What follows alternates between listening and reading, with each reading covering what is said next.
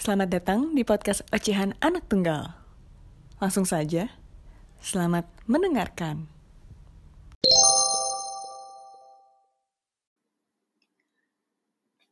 Gue mau cerita sesuatu tentang berkaitan dengan pendidikan sih. Jadi gue itu dulu pas gue SD sampai SMA, jujur gue itu merasa terdorong untuk rajin gitu. Jadi gue merasa rajin dibandingin dengan masa kuliah gue sekarang gitu. Apalagi masa-masa SMP ya, dibandingin dengan saat gue kuliah sekarang, uh, tingkat kerajinan gue itu tertinggi tuh pas SMP. Jadi bisa dibilang SMP adalah masa-masa kejayaan gue, masa-masa kemasan gue lah. Ketika gue masuk SMA, gue ya masih rajin, masih ya masih sering les gitu. Walaupun saat itu gue udah mulai rebel, mulai suka remet, terus mulai males lah ngafalin sesuatu. Kan gue SMA itu masuknya IPA. Nah kali ini gue mau membahas terkait uh, labeling IPA dan IPS gitu. Jadi SMA ini kan gue IPA. Dari mulai SMP itu di SMP gue terdapat ujian praktek bahasa Indonesia membuat karya tulis dan itu bebas mau mengambil topik apa pun itu. Nah, nggak tahu ya pas SMP gue merasa karya tulis itu bener-bener ajang gue untuk latihan membuat skripsi gitu. Jadi gue kayak menempatkan diri gue, gue adalah lagi skripsian gitu. Padahal gue masih SMP. Karena itu, gue ambillah itu topik uh, kedokteran yaitu tentang ginjal. Memang pada saat itu uh, latar belakangnya memang bokap gue emang sedang sakit komplikasi gitulah ya. Jadi gue mengangkat topik ginjal dan gue karena gue memang penasaran gitu. Dan alhamdulillah gue menjadi apa uh, karya tulis tulis terbaik sangkatan gue karena pas itu gue juga uh, akhirnya diuji oleh dokter langsung. Dan itu gue presentasi di depan orang tua saat wisuda. Di depan semua orang. Itu suatu achievement gue yang gue sangat banggakan gitu. Karena sampai sekarang gue masih nggak apa ya masih gak bisa mikir gitu. Kenapa gue dulu bisa seberani itu? Sedangkan gue sekarang mau presentasi aja di kelas gue tuh groginya minta ampun. Ya kan? Gimana gue seberani itu gitu loh. Itu keren banget sih menurut gue. Gue masih SMP PD gitu ya. Walaupun waktu itu memang deg-degan banget parah. Tapi gue pernah gitu melewati masa-masa itu dan itu gue jujur bangga banget. Nah, SMP karya tulis tentang uh, kedokteran, oke, okay? IPA. Sehingga gue masuk lab uh, eh, SMA gue, dan di SMA gue juga ada pas ujian praktek juga ada yang namanya karya tulis. Nah, pas SMA karena gue IPA gue ambil lah gak jauh-jauh dari SMP kalau SMP gue tentang ginjal SMA gue tentang jantung padahal waktu itu apa ya pengen ngambil ginjal juga kalau nggak salah tapi bingung kan karena kalau SMA ini benar-benar harus di uh, apa namanya harus ada apa namanya uji cobanya eksperimennya gitu jadi gue ambil jantung, tapi gue ambil tentang jantung mencit atau tikus lab. Tikus putih itu loh. Dipengaruhi oleh kopi gitu gimana jadinya gitu kan. Dari situ tuh gue kayak udah kepikiran gue akan masuk ke dokteran gitu ketika kuliah. Gue udah pingin banget dulu masuk ke dokteran. Tapi ada hal yang gue pertimbangin kalau gue masuk ke dokteran. Pertama gue nggak pede. Karena apa namanya uh, passing grade untuk masuk ke dokteran pada saat gue dulu itu tinggi dan masih sampai sekarang juga tinggi gitu tinggi banget. Yang di mana gue secara pas SMA ya mungkin gue pede gitu di biologi ya. Cuman untuk di kimia terus fisika itu gue jeblok. Jadi yang bagusnya cuman biologi sama matematika gitu kedua kalau gue masuk ke dokteran gue tuh anak tunggal cuy.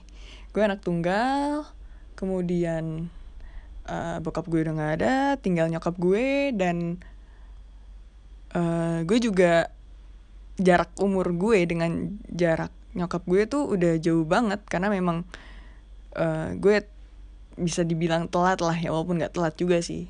Telat dilahirkan gitu. Jadi gue masih SMA tapi nyokap gue udah mau pensiun gitu.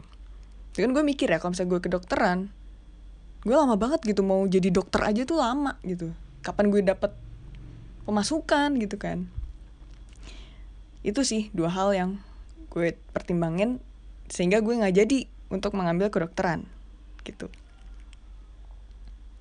Padahal kayak teman-teman gue tuh udah SMP SMA ayo Pril kedokteran gitu karena kayak seakan-akan gue udah bener-bener plek ketiplek gue mau kedokteran gitu. Tapi ya jalan takdir berbeda. Dan gue juga udah cukup menyerah untuk menjadi anak IPA sehingga gue memutuskan ketika gue daftar kuliah gue mengambil gue nyebrang. Gue nyebrang ke IPS yaitu dibenci banget sih sama anak-anak IPS anak IPA ngambil uh, jurusan IPS gitu. Sedangkan anak IPS susah untuk mau ngambil jurusan IPA itu kontroversial sih buat anak IPA tapi kebanyakan anak IPA itu pasti targetnya kalau mau masuk IPS itu pasti ekonomi biasanya tuh pasti ekonomi. Mau itu manajemen mau itu ekon ilmu ekonomi mau itu akuntansi. Pasti mau ngambil sarjana S1 ekonomi. Atau kalau mereka yang bener-bener anak seni ya akhirnya mereka ambil DKV ya kalau mau sosial gitu ya ujung-ujung komunikasi gitu. Ya gue termasuk ke dalam anak-anak IPA yang targetnya pengen masuk ekonomi. Gue pengen masuk ekonomi Universitas Indonesia. Dan ya gue nggak keterima untuk di fakultas ekonomi. Tapi gue sebenarnya keterima di undip dan di trisakti tuh gue dapet. Dan dua-duanya sama-sama ilmu ekonomi. Gue dapet tuh. Uh, lewat jalur tes sih. Maksudnya jalur mandiri kalau untuk masuk Universitas Indonesia gue sekarang kan nih kalian pasti kaget gue anak IPA anak Aksel dan uh, sekarang gue belajar di sosiologi Universitas Indonesia. Sosiologi. Bahkan kata sosiologi aja ketika gue SMA, itu gue nggak pernah denger. Bukan gimana ya, tapi seenggak tahu itu tentang sosiologi gitu. Dan ketika gue memilih sosiologi itu memang dengan latar belakang jadi gini, jadi gini, jadi gini. Dulu pas gue bimbel, gue kan disuruh milih tiga jurusan buat didaftarin kan ke SNMPTN, SBMPTN, SIMAK gitu kan. Nah, gue itu di ekonomi gue cuma mau ambil akuntansi sama ilmu ekonomi. Gue nggak mau manajemen karena dulu gue mikirnya manajemen tuh bisnis bisnis atau ya gitulah gitu kan. Gue kayak nggak tertarik ke situ gitu. Gue lebih pengen untuk hitung-hitungan kemudian analisis gitu kan. Udah sok-sokan banget gue. Terus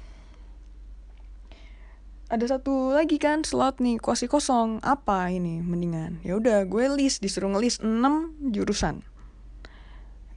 Gue dulu nulis yang pertama itu uh, apa?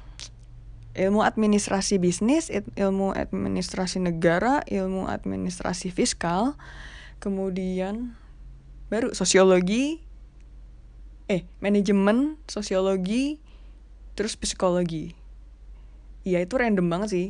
Gue nggak mau bisnis tapi ya pada akhirnya pilihan ketiga gue harus memilih yang ada kaitannya dengan bisnis gitu. Terus sosiologi nih. Kenapa gue akhirnya nulis sosiologi? Itu karena gue di apa namanya dikasih saran sama guru bimbel gue dengan dulu kan gue tryout IPA IPS ya. Karena gue masih bingung banget kan mau IPA atau mau IPS ketika kuliah. Ketika gue try out IPS terus gue nah pas bimbel itu tuh gue baru tahu yang namanya sosiologi itu apa. Parah banget sumpah. Terus uh, apa? Guru gue bilang kalau gue itu sosio uh, nilai sosiologi gue tuh bagus. Dibanding gue ekonomi geografi juga bagus sih tapi sosiologi gitu. Gue disaranin untuk sosiologi karena nilai gue bagus. Padahal pas gue try out sosiologi itu ya gue cuman apa ya mengandalkan perkiraan dan pengetahuan umum gue aja gitu. Terus gue juga bilang ke guru gue bahwa gue pengen masuk jurusan di mana gue bisa memecahkan masalah di tengah-tengah masyarakat gitu kan. Nah makanya gue pengen dulu pengen banget dulu masuk ilmu ekonomi ternyata masalah di tengah-tengah masyarakat itu tidak hanya berkutat pada ekonomi. Memang banyak. Cuman dengan karena nilai gue bagus di, di sosiologi, pada akhirnya guru gue bilang, masalah sosial, masalah masyarakat juga bisa gitu kan. Terus gue mikir, boleh juga. Kayaknya seru gitu kan. Gue mikir, pada akhirnya ambil gue ambil tuh sosiologi buat gue masukin ke slot ketiga itu SNMPTN gue gak dapet oke okay. pas SBM SBMPTN akhirnya gue dapet sosiologi dan gue kaget padahal gue pas simak tuh gue udah pede banget gue da bakal dapet simak ilmu ekonomi gue udah pede banget eh ternyata SBMPTN duluan yang keluar pengumumannya dan akhirnya gue keterima di sosiologi. Tuh gue parah sih ininya galaunya. Soalnya pas itu juga gue udah ada pengumuman undip gue keterima ilmu ekonomi pembangunan di Trisakti gue juga udah bayar. Tuh udah bayar loh gue di Trisakti. Itu itu dilema banget parah. Tapi pada akhirnya gue mempertimbangkan nama universitas ya oke okay lah Universitas Indonesia. Universitas impian semua. Ya walaupun nggak juga sih menurut gue ya. Agak di over overrated gitu menurut gue sekarang ya. Tapi ya untuk kalian yang dengerin ini yang mau masuk Universitas Indonesia silahkan banget. Karena UI tetap universitas kampus perjuangan. Pokoknya masih keren lah UI itu nah lalu gue kuliah sosiologi kan diperkenalkan lah yang namanya sosiologi itu apa. Dan ternyata memang beda banget sama apa yang gue pelajarin dulu pas gue belajar di bimbel tentang sosiologi. Ya ada yang sama sih cuman ternyata pas gue di bimbel belajar sosiologi itu bener-bener masih di atas permukaan banget masih permukaan banget lah. Sedangkan di kuliah sosiologi tuh gue masuk sosiologi tuh kayak gue nyebur ke da dasar lautan ilmu sosial gitu loh. Karena sosiologi disebutnya sebagai the mother of uh, social science gitu. Gue jujur gue kaget gue shock. Karena gue bener-bener nggak -bener tahu tentang IPS bahkan gue tuh nggak suka sama yang namanya ilmu sejarah. Bahkan gue nggak tahu sejarah dunia. Nih jujur nih dulu pas ngomongin soal salah satu teori Marx kan berkaitan dengan revolusi Prancis ya itu gue beneran gak tahu I have no idea banget tentang revolusi Prancis itu apa ngomong apa dia tuh mau ngapain tujuannya tuh apa tuh gue nggak tahu bener-bener nggak tahu gitu. Sehingga gue itu apa ya uh, anggaplah kayak teman-teman gue yang IPS tuh yang SMA-nya IPS mereka tuh udah kayak anak bayi udah setahun dua tahun eh ya anak dua tahun dua tahun yang udah bisa berlari-lari udah ngomong udah bisa ngomong kata-kata gitu. Sedangkan gue bayi yang baru brojol gitu. Masuk sosiologi tuh gue ada anggapan gue adalah bayi yang baru brojol ke lahir ke dunia gitu terus gue kayak apa ini? Itu itu pengalaman banget sih. Karena pas SMA gue ambil lintas minatnya ya ekonomi. Jadi IPS yang gue tahu hanya ekonomi terus pendidikan keluarga negaraan sejarah udah. Ilmu ilmu IPS gue gue andalkan ilmu pas yang gue dapetin pas SMP sama SD udah sama pengetahuan umum. Udah wah struggling banget gue pas dulu jadi maba sosiologi. Gila. Kayak nah balik lagi dengan apa yang gue mau bahas tadi labeling tentang anak IPS IPA gue berasa banget cuy jadi anak yang kesusahan belajar ilmu sosial gitu. Pas saat maba sampai sekarang bahkan gue juga mikir masih mikir gitu kenapa sih ada labeling anak IPA lebih pintar dari anak IPS anak IPS cuma main-main. Terus atau misalkan ada anak bahasa juga ada jurusan bahasa juga di SMA gitu. Itu anak IPA lah pokoknya yang paling punya privilege yang paling tinggi gitu. Padahal enggak cuy. Menurut gue ya IPA IPS bahasa atau SMK sekalipun itu sama susahnya itu tergantung kita aja gitu. Ya tergantung kita menilai kemampuan kita. Jadi nggak bisa kita segampang itu seenak itu melabel anak IPA lebih pinter.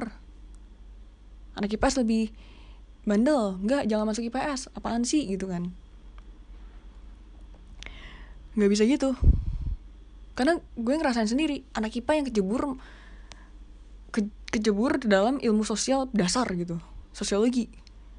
Itu bener-bener wah gokil sih. Hal tergokil dalam hidup gue. Jadi apa ya? Mungkin kita kalau melihat anak IPA ngafalin biologi kimia yang unsur-unsur wah ribet apa susah banget hitung-hitungan lah kita me, apa mempelajari sesuatu yang nggak kelihatan gitu di dalam diri kita. Itu tuh ya susah. Tapi sama susahnya ketika kita juga belajar sosial belajar masyarakat. Pola pola kehidupan di masyarakat gimana pola interaksi eh, gimana kok bisa ada kelas atas kelas bawah kemudian kok bisa sih ada konflik kok bisa sih uh, buruh itu memperjuangkan haknya kok bisa sih ada yang namanya negara? Kok bisa sih ada korupsi kemudian ada kok bisa sih uh, politik tuh menyeramkan kayak gitu? Itu nggak nggak kayak IPA yang hitung hitungan satu tambah satu sama dengan dua gitu. IPS tuh satu tambah satu bisa dari no sampai tak terhingga gitu. Karena banyak faktor banyak dampak banyak yang berkaitan gitu. Jadi sosial tuh juga ribet gitu sama ribetnya. Kemudian bahasa juga. Bahasa tuh ribet juga. Banyak apa ya setiap bahasa tuh kan berbeda-beda ya. Dan kita dasarnya bahasa Indonesia bahasa internasional bahasa Inggris ketika kita belajar bahasa Jerman bahasa Spanyol bahasa Arab bahkan bahasa Cina itu susah banget cuy. Karena kita mempelajari hal yang baru yang uh, berbeda dari kehidupan sehari-hari kita. Kemudian SMK kejuruan. Itu praktikal banget. Jadi dinilai dari gimana kita mempraktekannya gitu kan. Kalau misalkan kita nggak bisa mempraktekkan itu misalnya kita kita cuma bisanya mikir analisis doang. Tapi ketika kita mempraktekkan ya nggak bisa ya lo juga bakal kesusahan gitu ketika lo ambil SMK jadi apa ya? Gue tuh pengen gitu. Nggak ada labeling lagi soal anak IPA lebih pintar dari anak IPS enggak cuy. Anak IPS tuh juga pintar. Anak IPS itu anak sosial itu juga dibutuhkan dalam struktur organisasi gitu. Misalkan di pemerintahan. Misalkan menteri sosial menteri KPPA apa pemberdayaan perempuan dan anak gitu dan perlindungan anak. Itu nggak bisa tiba-tiba anak teknik gitu yang memimpin. Enggak. Karena anak teknik juga ya mungkin punya uh, planning yang bagus perencanaan yang bagus kemudian uh, desain apa ya otaknya tuh udah otak desain otak perhitungan ke depan gimana gitu gitu kan. Cuman yang lebih dekat dengan sosial yang udah terbiasa melihat masyarakat dari beyond beyond common sense gitu. Itu tuh ya anak sosial gitu. Jadi nggak semata-mata semua bos itu harus anak IPA gitu karena mereka lebih pintar. Enggak. Anak IPS tuh dibutuhkan banget. Jadi anak bahasa pun juga gitu. Anak SMK pun juga. Karena kalau di kalau menurut teori sosiologi uh, kita semua tuh masing-masing punya fungsi fungsi punya fungsinya sendiri-sendiri di dalam masyarakat gitu dan ya ya udah anak teknik ya urusannya sama teknik yang berurusan dengan apa alam-alam lah atau ya teknik. Kalau yang sosial anak sosial ya udah berusur berurusannya dengan yang masyarakat lah uh, ekonominya lah kayak gitu. Dan bahasa ya udah jadi apa jadi kedubes buat jadi translator lah atau ya macam-macam lah pokoknya. Jadi di suatu masyarakat itu kita itu punya fungsinya masing-masing gitu. Jadi dan itu sama-sama susah. Gitu. Tinggal gimana kita menghadapinya gimana kita uh, menjalankannya. Jadi harapan gue semakin ke sini ayolah open minded gitu. Udah lo nilai diri lo sendiri. Lo tuh sanggupnya di mana? IPA atau IPS bukan ah gue masuk IPA biar gue pinter gue bisa banggain orang tua keluarga gitu. Enggak. Jangan gitu. Itu sih menurut gue. Mungkin ini juga karena pengalaman gue ya jadi anak IPA yang nyebrang ke jurusan IPS dan IPS-nya tuh bener-bener yang dasar dan struggling. Tapi gak apa-apa gue malah sekarang gue pengennya otak gue tuh seimbang gitu. Bisa mikirin hal-hal yang berkaitan dengan IPA terus gue seimbangin dengan hal-hal sosial gitu. Jadi bisa seimbang dan bisa menyatukan orang-orang IPA dan IPS gitu. Jadi gue bisa pen jadi penengah gitu. Itu impian gue sekarang sih. Walaupun gue nggak pintar nggak sepintar gue pas SMP tapi I'm trying mungkin itu aja sih podcast gue kali ini. Terima kasih telah mendengarkan podcast ACPP dengan topik anak IPA dan anak IPS dan anak bahasa dan anak SMK itu sama-sama susah. Tinggal bagaimana kita menghadapinya, menjalankannya, dan men bagaimana kita dapat menilai kemampuan diri kita sendiri. Oke. Okay. Jangan lupa untuk follow dan uh, mungkin uh, kalian bisa mendengarkan episode episode gue yang lain yang akan datang. Aduh gue awkward banget ini bahasan gue pertama soalnya. Mohon maaf jika ada salah kata atau terlalu gagap atau terlalu banyak jeda dan terlalu banyak kata-kata yang tidak efektif. Saya mohon maaf karena saya masih berlatih untuk menjadi podcaster. Oke, okay, bye-bye. Makasih sudah mau mendengarkan podcast Ocehan Anak Tunggal. Dengarkan terus episode lainnya. Dadah!